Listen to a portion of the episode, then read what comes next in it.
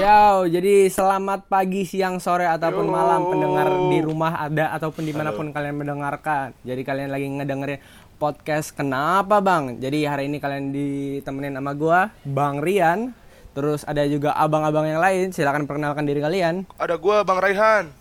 Halo bang, nama gua Bang Glenn bang. Ayo dong semangat dong, guys. Semangat dong. semangat, semangat. Ayo. Terus kita juga ada satu lagi. Bang Andrew. Anjay, ada Bang Andrew. Jadi ya gimana kabarnya? Mudah-mudahan sehat semua ya abang-abang ini. Gimana Bang? Sehat nggak? Sehat Amin, bang, amin, sehat, alhamdulillah. Sehat, alhamdulillah. Jadi hari ini kita mau ngomongin tentang musik nih guys. Terus eh, secara spesifik gue mau ngomongin tentang aliran musik indie di Indonesia nih. Wih, oke oke. Menarik nih. Nah, jadi gue berharap kalian udah denger sama yang namanya band Fish gitu. Udah pada denger belum band Fish? Oh, Udah dong. yang peradaban-peradaban itu ya? Gua tuh gua tuh kelelawar bro, anjay. Anjay, Enggak sih. kelelawar banget. Enggak sih. Oke oke, jadi buat eh, pendengar-pendengar kita yang belum dengar tentang band Fish, jadi Fish ini band aliran indie di Indonesia yang vokalisnya itu Baskara Putra yang juga eh, mempunyai alias lain gitu ya sebagai Hindia mungkin yang lebih kalian eh, lebih kalian kenali di melalui lagu ini ya lagu yang ada di NKCTHI ya apa judulnya tuh? Gue lupa lupa lupa ingat gitu. Eh, Eh, ini secukupnya bro, secukupnya bang. Oh iya kemarin ada ada secukupnya gitu ya di situ. iya iya. eh gimana kalian kan ngedengerin ngedengerin Fish semua nih kan gimana Iya. sih pendapat kalian tentang Fish gue penasaran Hmm, siapa dulu nih, Bang? Siapa dulu? Eh, gua aja deh dulu biar nggak diambil orang lain statement Oke. oke boleh bang Glenn Iya. Jadi eh, menurut gue band Fish ini eh, salah satu band yang emang lagi naik daun dan lagi digandrungi sama anak-anak zaman sekarang. Dan eh, gue agak sedikit takjub sih sama band Fish ini karena eh, banyak anak-anak zaman muda sekarang kalau nganggap Fish itu eh, apa ya namanya? Bukan reinkarnasi sih kayak yang akan menggantikan Iwan Fals nanti karena kan ngebahas tentang kritik-kritik sosial juga kan. Iwan apa? Iwan Falls. Iwan Iwan Fals, Iwan Fals Oh, bang, Iwan bang. Fals. Tadi sok keren bang, maaf bang. Iwan jatuh. Iya jadi gue di mata gue gitu sih keren lumayan lumayan keren. Eh, lagu-lagunya beda dari yang lain, menyuarakan sosial dan eh, bahkan sampai digunain kan pas di demo kemarin RUKPH. Oh, Banyak lirik gitu, lirik iya. lagunya yang digunain kan sama para demonstran. RUKPH apa tuh? Eh, eh RAUK, RKUHP. RKUHP ya Tuhan maaf. Lu kenapa efek, sih? efek efek corona guys. Efek Oh, corona iya. kebanyakan tidur guys maaf. oke gitu ya jadi penerus Iwan Fals wah gila namanya gede banget sih buat diikutin sama mereka kalau bang Raihan gimana nih Kalau eh kalau gue sih cuman denger-denger beberapa lagu ya. Cuman eh, lagunya unik aja gitu eh, tentang apa ya? eh, ya dia berani lah untuk menyampaikan aspirasinya melalui lagu gitu. Jadi kayak apa ya? Kritik sih ya, masuknya ya. Kritik-kritik Iya, sosial benar, gitu doang sih cuman denger-denger lagu beberapa sih, nggak semuanya. lagu favorit lu apa nih bang kira-kira kalau gue boleh tahu Eh, gua ah eh, berita kehilangan. Ush, berita Iya. kehilangan. Gila. Sades. Lu, Sekarang lu udah siap-siap mau untuk ke- hilang ya? Iyalah. Sekarang gue mau ke Bang Andrew. Bang Andrew gimana pendapatnya sama grup band Fish? Wah gila sih band ini jadi pintu masuk gue menyukai musik indie sih. Anjay. Anjir. Gue dari yang EDM EDM gitu masuk Uh. ke langsung ke masuk ke indie gara-gara Fish. Jadi top lah band gue. Apa kira-kira menurut lu yang bikin unik dari Fish? Eh, dari sisi caranya dia menyampaikan sebuah lagu tuh beda sih dan lirik-liriknya semua gila sih. Hmm, Penuh gitu. makna. Lirik yang beda dan penuh makna. Oke, jadi se- tambahan informasi lagi, Fish ini udah ngeluarin dua studio album gitu ya. Yang pertama ada album Multiverse yang dikeluarin pada tahun 2017 dan kedua ada album Bomb ya, kalau nggak salah Iya, namanya. Bomb. Beberapa orang memaafkan. gitu. Terus eh, beberapa lagu yang kalian mungkin pernah dengar, yang pertama ada Peradaban, ada Berita Kehilangan, Iya. Tarian Penghancur Rakyat, Iya. terus eh, ada juga Kelelawar gitu. Nah, em, gue denger denger sih band ini kemarin tuh kena kasus gitu entah kena kasus entah kenapa rame banget kemarin diomongin di twitter gitu nah si bang Glenn kemarin ini udah melakukan riset gitu Iya. apa tuh bang Glenn kenapa tuh Iya iya teman-teman. Jadi eh, kemarin gue juga dari riset udah bukan kemarin sih udah dari beberapa lalu gue juga dari riset riset kalau emang Fish ini tuh eh, lagi terkena masalah sama eh, anak-anak dari genre metal band metal karena Oh, gitu? eh, iya karena statementnya salah satu personilnya statementnya Baskara sang vokalis Oh, vokalisnya Yang- langsung. Iya, dari vokalisnya langsung yang eh, yang ditangkap sama netizen Indonesia, Baskara tuh eh, menganggap kalau lagu Peradaban tuh lebih keras dari lagu metal mana pun. Itu yang ditangkap sama netizen Indonesia. Menurut lo orang gimana nih? oh gila berat banget ya itu eh, pendapatnya lebih metal daripada lagu metal mana pun gitu katanya Iya, itu yang diperbincangkan sama eh, orang-orang Indonesia sih itu sih. hmm gitu Oke. Eh, kalau gue sih ngerasa itu agak narsisistik ya, soalnya kan dia nih orang yang dipandang gitu. Jadi kayak harusnya lebih hati-hati sih sama omongan-omongannya mema- memancing kontroversi gitu. Eh, Iya. Kalau Bang Andrew gimana? Eh, menurut saya sih iya betul karena eh, lagu itu kan sifatnya universal kan dan setiap orang punya eh, pendengarnya masing-masing dan eh, bisa dibilang cukup salah kalau misalnya ada satu pihak yang mengatakan bahwa lagunya lebih tinggi atau eh, lebih bagus, lebih contohnya yang ini lebih metal gitu. Jadi ya emang meng- mengundang kontroversial untuk band-band yang baru naik daun seperti Face ini. Hmm, iya bener banget. Eh, Bang Rehan ada tanggapan? eh saya sempat denger sih eh saya sempat lihat juga tuh di beberapa ada di Twitter ada di Facebook ya pokoknya media-media sosial saya pernah eh, cuman tapi nggak nggak saya teliti sih kayak cuman selewat oh ini lagi kena masalah lagi kena masalah ya mungkin eh nggak tahu deh maksudnya itu kan di postnya di media sosial ya eh, yang semua orang bisa lihat dan eh, tidak semua di eh, apa ya istilahnya tidak semua orang yang melihat post itu tuh mempunyai pemikiran yang sama atau Hmm. mm, tanggapan yang sama gitu loh. Kita nggak bisa berharap dengan gua post ini gua nggak bakal dihujat gitu nggak bisa nggak bisa kayak gitu itu media sosial ya ada resikonya setiap lu ngepost tuh pasti ada resikonya sih gue mikirnya gitulah standar itu sih gue mikirnya kayak ya udah kalau dihujat ya pasti gitu loh udah karena nggak mungkin semua orang suka Bener, bener, bener. Eh, Bang Glenn ini Tapi Fish. apa? Oh iya boleh, nggak apa-apa lanjut. Ya tapi eh, kalau di mata gue ya emang eh, eh, Fizz atau Baskara emang salah. Tapi gue nggak ngerasa kalau eh, mereka tuh sepenuhnya salah dari statement yang mereka berikan. Kenapa itu? Eh, Sebenarnya eh, lo orang tahu nggak sih apa statement lengkapnya di dalam videonya? gue baru baca dikit sih, tapi detailnya nggak belum jelas. Eh, yang lain gimana tahu nggak? gue belum, Belum. sih belum belum kayak cuman lihat post itu kayak wih kok bisa ya kayak gini gitu Eh, atau eh, gua bacain ya eh, transkrip dari step statement Fizz yang ada di video itu, boleh nggak? Boleh silakan. Boleh. Oke, jadi eh, untuk statement yang viral yaitu statementnya ini nih. Eh, contohnya peradaban itu jauh lebih keras dari lagu metal mana pun yang pernah kami dengar. Itu statement yang viral. Iya. Tapi sebelum dia menyampaikan statement itu, itu tuh ada statement, ada kepalanya sebelum nyampe akor tuh ada kepalanya dulu. Jadi tuh eh, yang gua kutip dari YouTube-nya Medcom ID, judul videonya itu wawancara Face Music Medcom di menit 3.50 eh Baskara tuh ngomong gini men. Gak selamanya kemarahan harus disuarakan dengan distorsi gitar dan teriak-teriak. Karena buat kami, misalnya, contohnya Peradaban itu jauh lebih keras dari lagu metal mana pun yang pernah kami dengar. Yang pernah kami dengar Karena di saat menulis itu, geramnya sampai ke bass. Kita udah nggak bisa ngerasain apa-apa lagi. Dan itu yang keluar. Itu statementnya.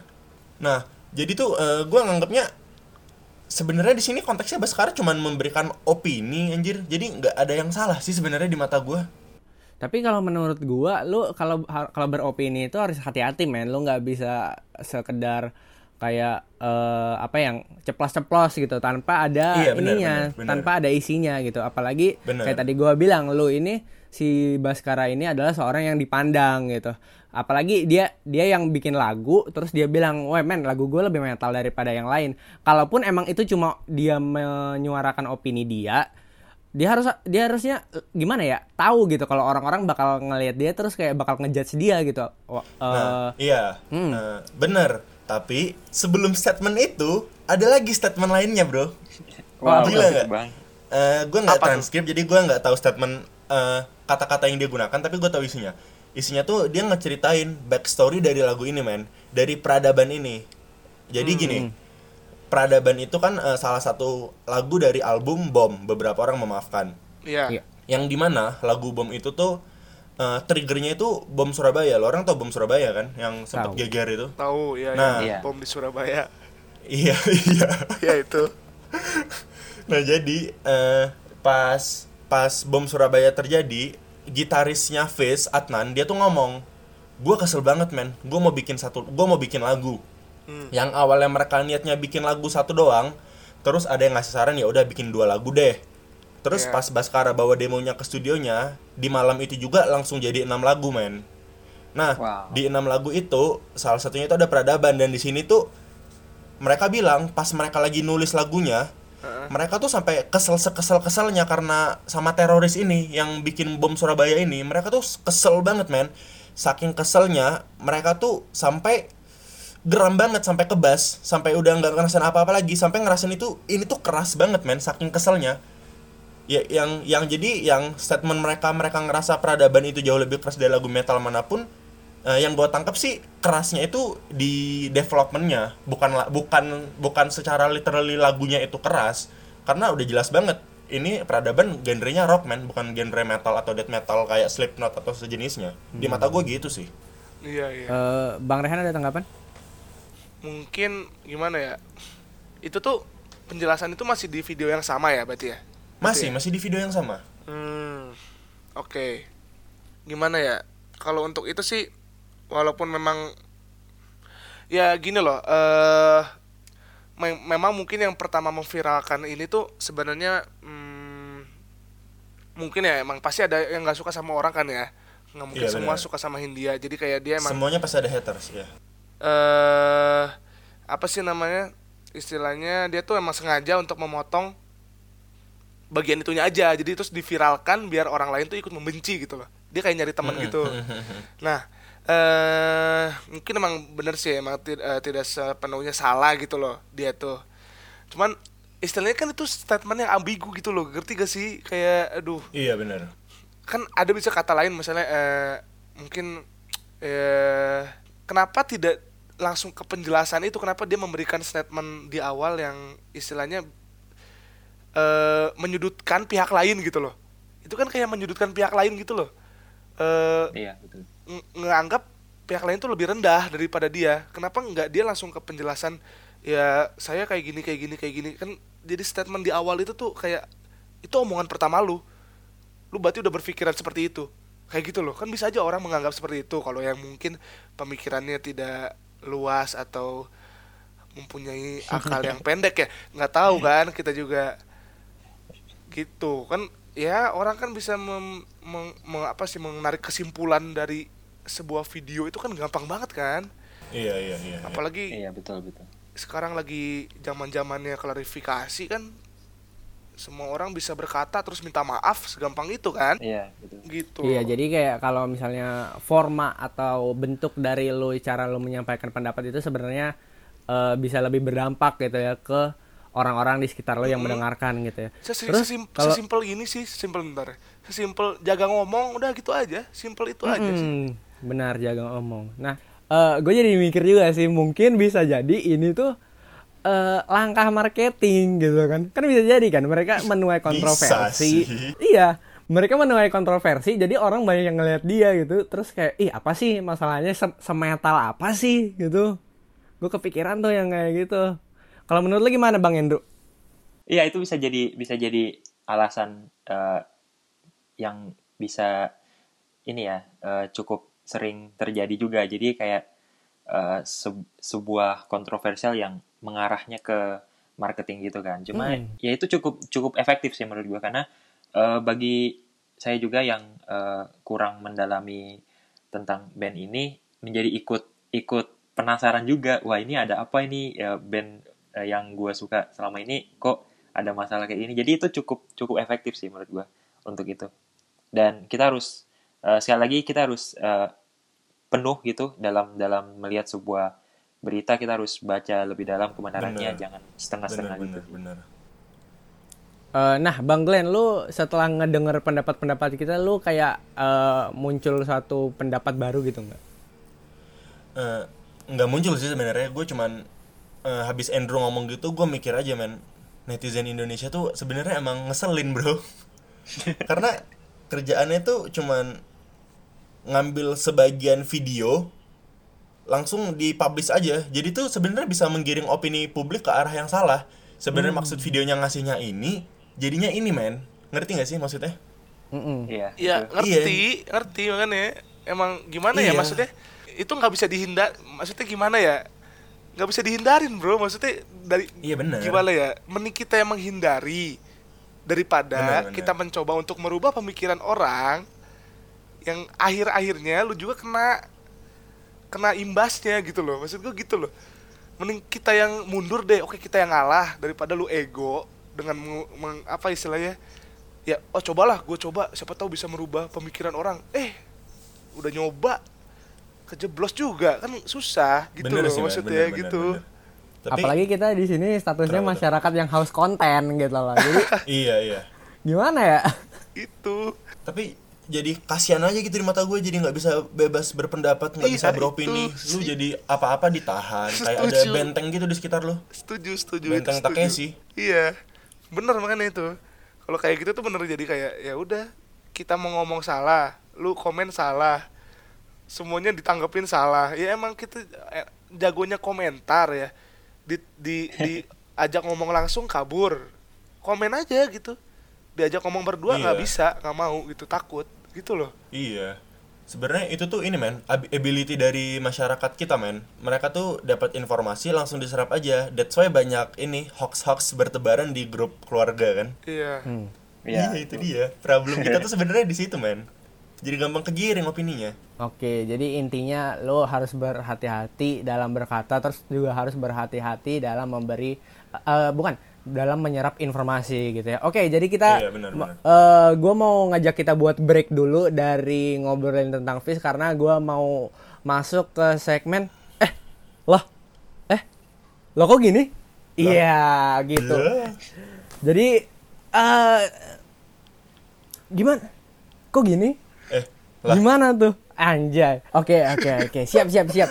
Eh jadi di segmen ini gua mau eh, ngobrolin, gua gua bakal nyebutin satu eh, apa ya, berita yang menarik selama seminggu kemarin. Terus gua mau kalian berpendapat singkat gitu tentang berita-berita ini gitu. Jadi boleh boleh eh Oke.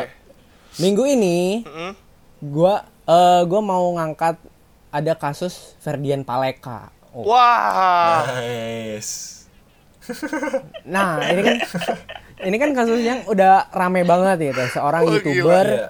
yang eh, melakukan prank gitu terhadap waria-waria dan juga orang-orang lain di pinggir jalan dengan memberikan yang awalnya dikira sumbangan makanan dalam waktu pandemi seperti ini ternyata isinya sampah gitu. parah sih itu Set- Wah, kok gitu? Ya, itu parah banget. Nah, itu ya namanya ini guys, eh lo content creator gitu loh.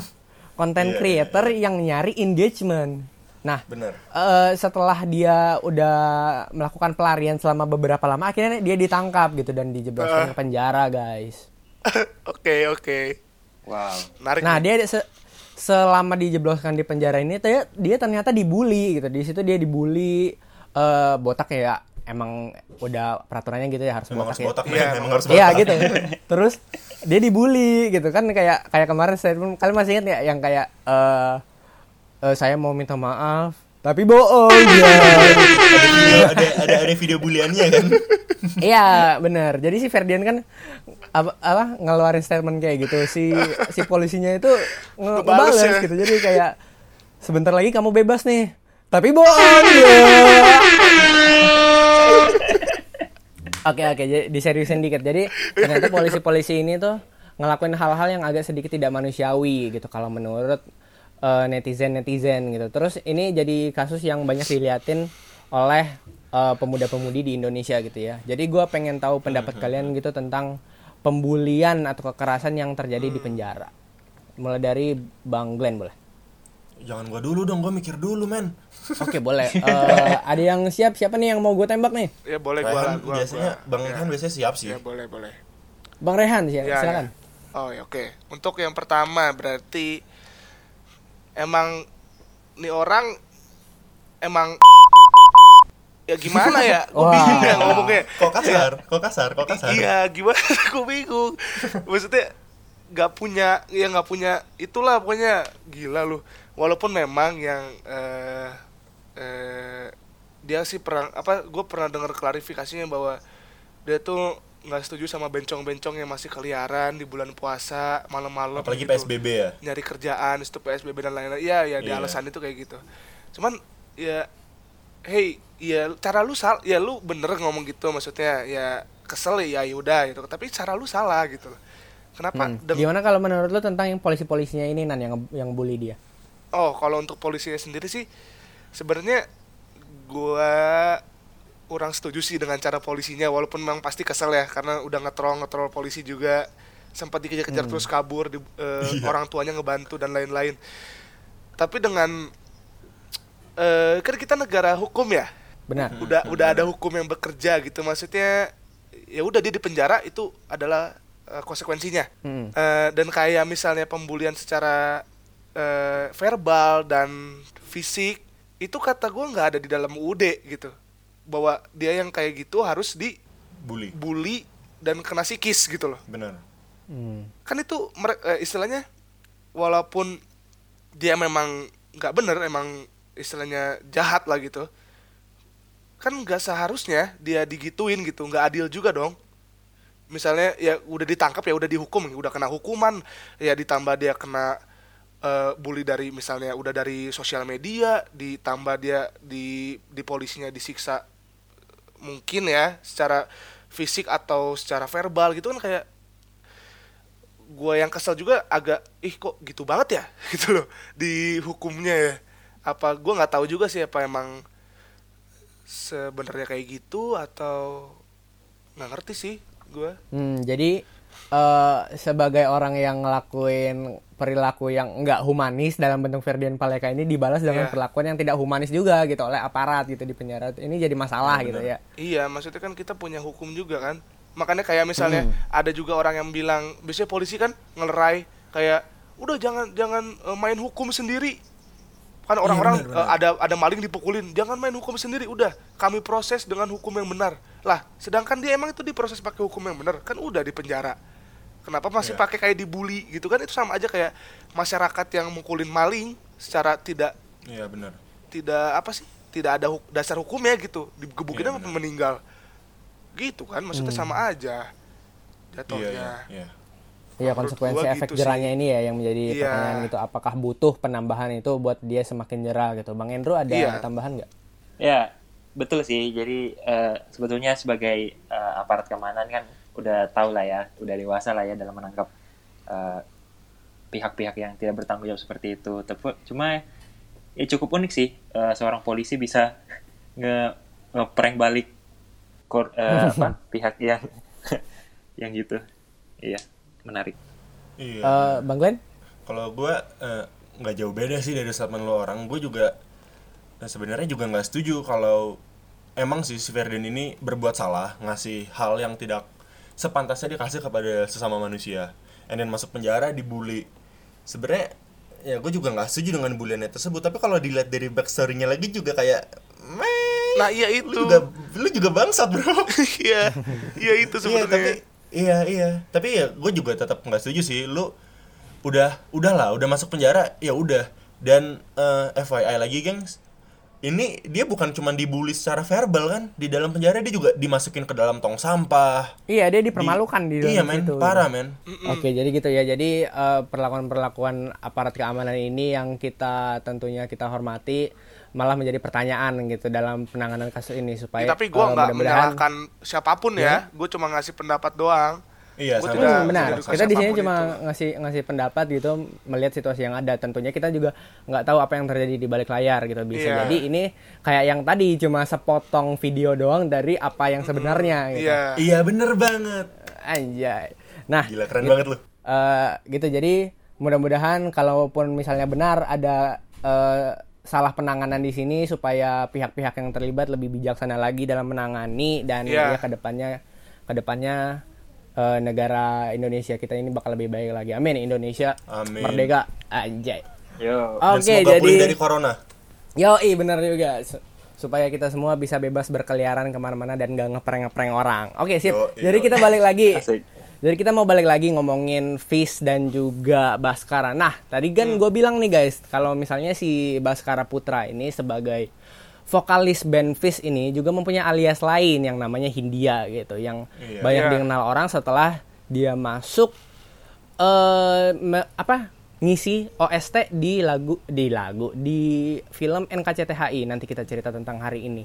Menurut kalian-kalian nih perbedaan antara Hindia sama Fish itu apa sih? Kan Hindia tuh eh, ba- eh, solonya si Baskara ini ya. Gimana menurut kalian perbedaan style musik dan eh, lain-lainnya? Bang Glenn mungkin bisa ngasih pencerahan? Kalau dari gue ya, eh, menurut gue ya yang kayak tadi di awal gue bilang kalau Fish itu lebih nyuarain kritik sosial sih.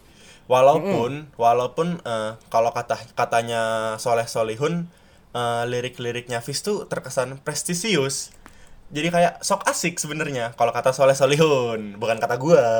Hmm. Katanya iya sok asik sedangkan kalau eh, emang di Hindia tuh kalau emang lu orang dengerin bener-bener dengerin tuh kayak terkesan emang lebih dari hati lebih emang lebih pure dia mau ngasih tahu tentang dirinya karena kan katanya juga eh, eh, albumnya yang menari dengan bayangan albumnya si Hindia itu eh, untuk sebenarnya albumnya itu bukan untuk kalian bukan untuk orang lain tapi untuk diri dia sendiri itu tuh kayak untuk healing gitu bro Iya. Hmm, gini. Berarti gue yang gitu. satunya tentang kritik sosial di mana dia bersuara sebagai anggota masyarakat kalau si Iya. di Hindia si Baskara ini lebih ke untuk dirinya sendiri gitu. iya Eh, lebih lebih tentang dirinya lah Mm-mm, mungkin men- menyuarakan hal-hal yang ada di hati kecilnya gitu. Mungkin Benar. juga yang lebih bisa diterima di kalangan masyarakat. Iya nggak sih Bang Andrew? Menurut lo gitu nggak sih?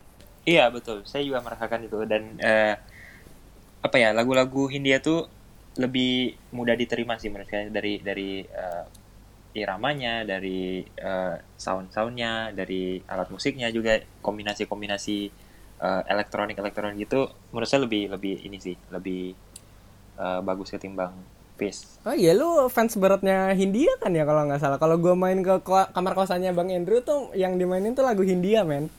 iya kalau nggak kalau nggak Hindia tuh One Direction Oh iya. dua itu aja Jadi gimana nih lu waktu itu ke cantol ke Hindia tuh gimana, Bang Andrew? Iya, jadi dari dari Fish sebetulnya. Hmm, dari Fish eh, lagi. Masuk, eh, Fish masuk, kemudian di, di di Spotify ada ada ini, ada kayak apa ya? rekomend gitu.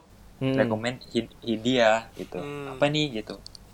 Ternyata mirip-mirip dan malah lebih lebih lebih gua gua lebih masuk masuk ke lagu-lagunya Hindia gitu. Jadi ya udah langsung ke Hindia gua.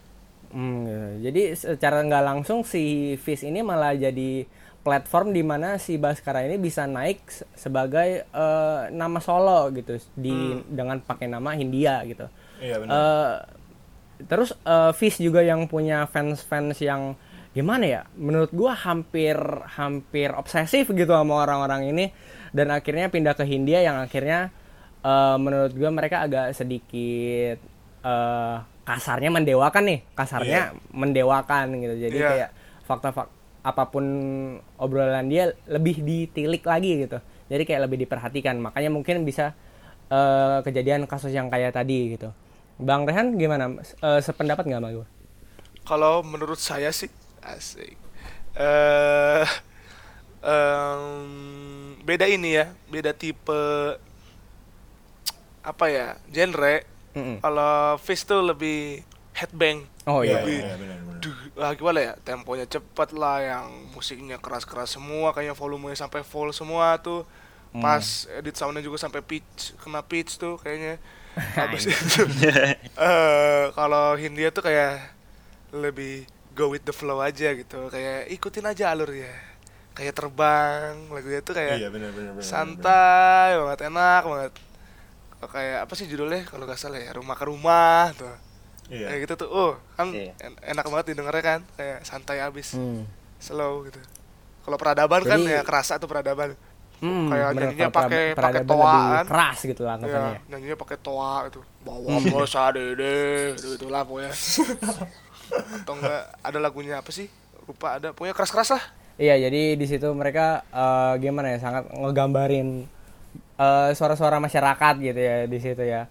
Eh, tentunya dua dua ini jadi apa ya anggapannya kayak pilar atau pionir di eh, permusikan Indonesia di era baru ini di era eh, kita memasuki dekade 2020 is gitu ya 2020s gitu 2020 anggapannya gitu ya mereka jadi orang-orang yang sangat influential gitu. Tapi tentunya orang-orang influential ini enggak lekang dari kontroversi dan juga hal-hal semacam itu. Jadi eh, balik lagi ke pesan yang tadi deh sebelum gua masuk ke segmen segmen sebelumnya tadi gue sempat bilang eh, hati-hati bagi kalian yang yang eh, bagi meng- yang mengeluarkan pendapat di media sosial dan juga hati-hati eh, dalam ini ya dalam hal menyerap pendapat gitu. Apalagi sekarang banyak banget Iya, hoax. Kalau ka- dalam memilih racunmu sebenarnya. Iya benar. bener gitu. Udah Jadi, banyak tuh kasusnya nggak cuma ini doang banyak banget masalah sosial media tuh Hmm, banyak banget. Apalagi hoax-hoax tentang pa- tentang pandemi ini ya ini Iya. bahaya banget gitu, malah bisa Iya. membahayakan kita. Benar benar. Jadi waktu kita udah habis buat sesi kali ini, gue mau berterima kasih banget buat Bang Rehan, Bang Glenn, dan Bang Andrew yang udah Sama-sama, nyempetin waktu Bang. buat buat main di podcast. Kenapa Bang?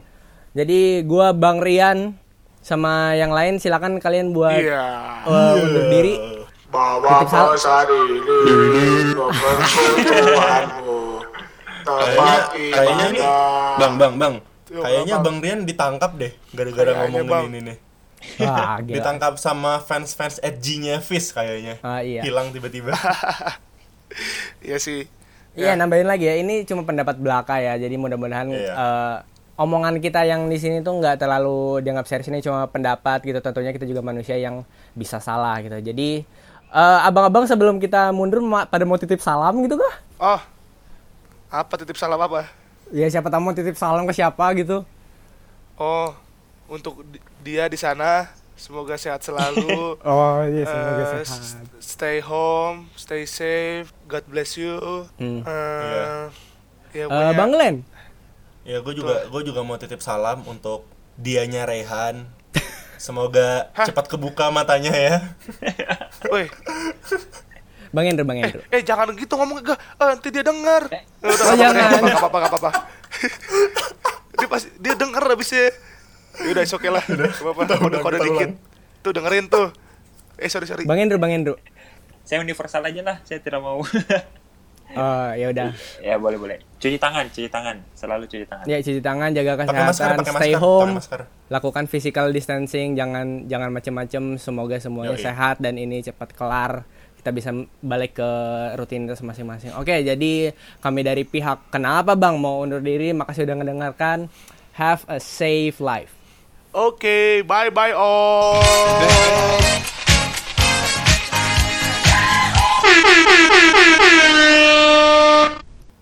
Jangan lupa follow Instagram kami di pod. Kenapa bang?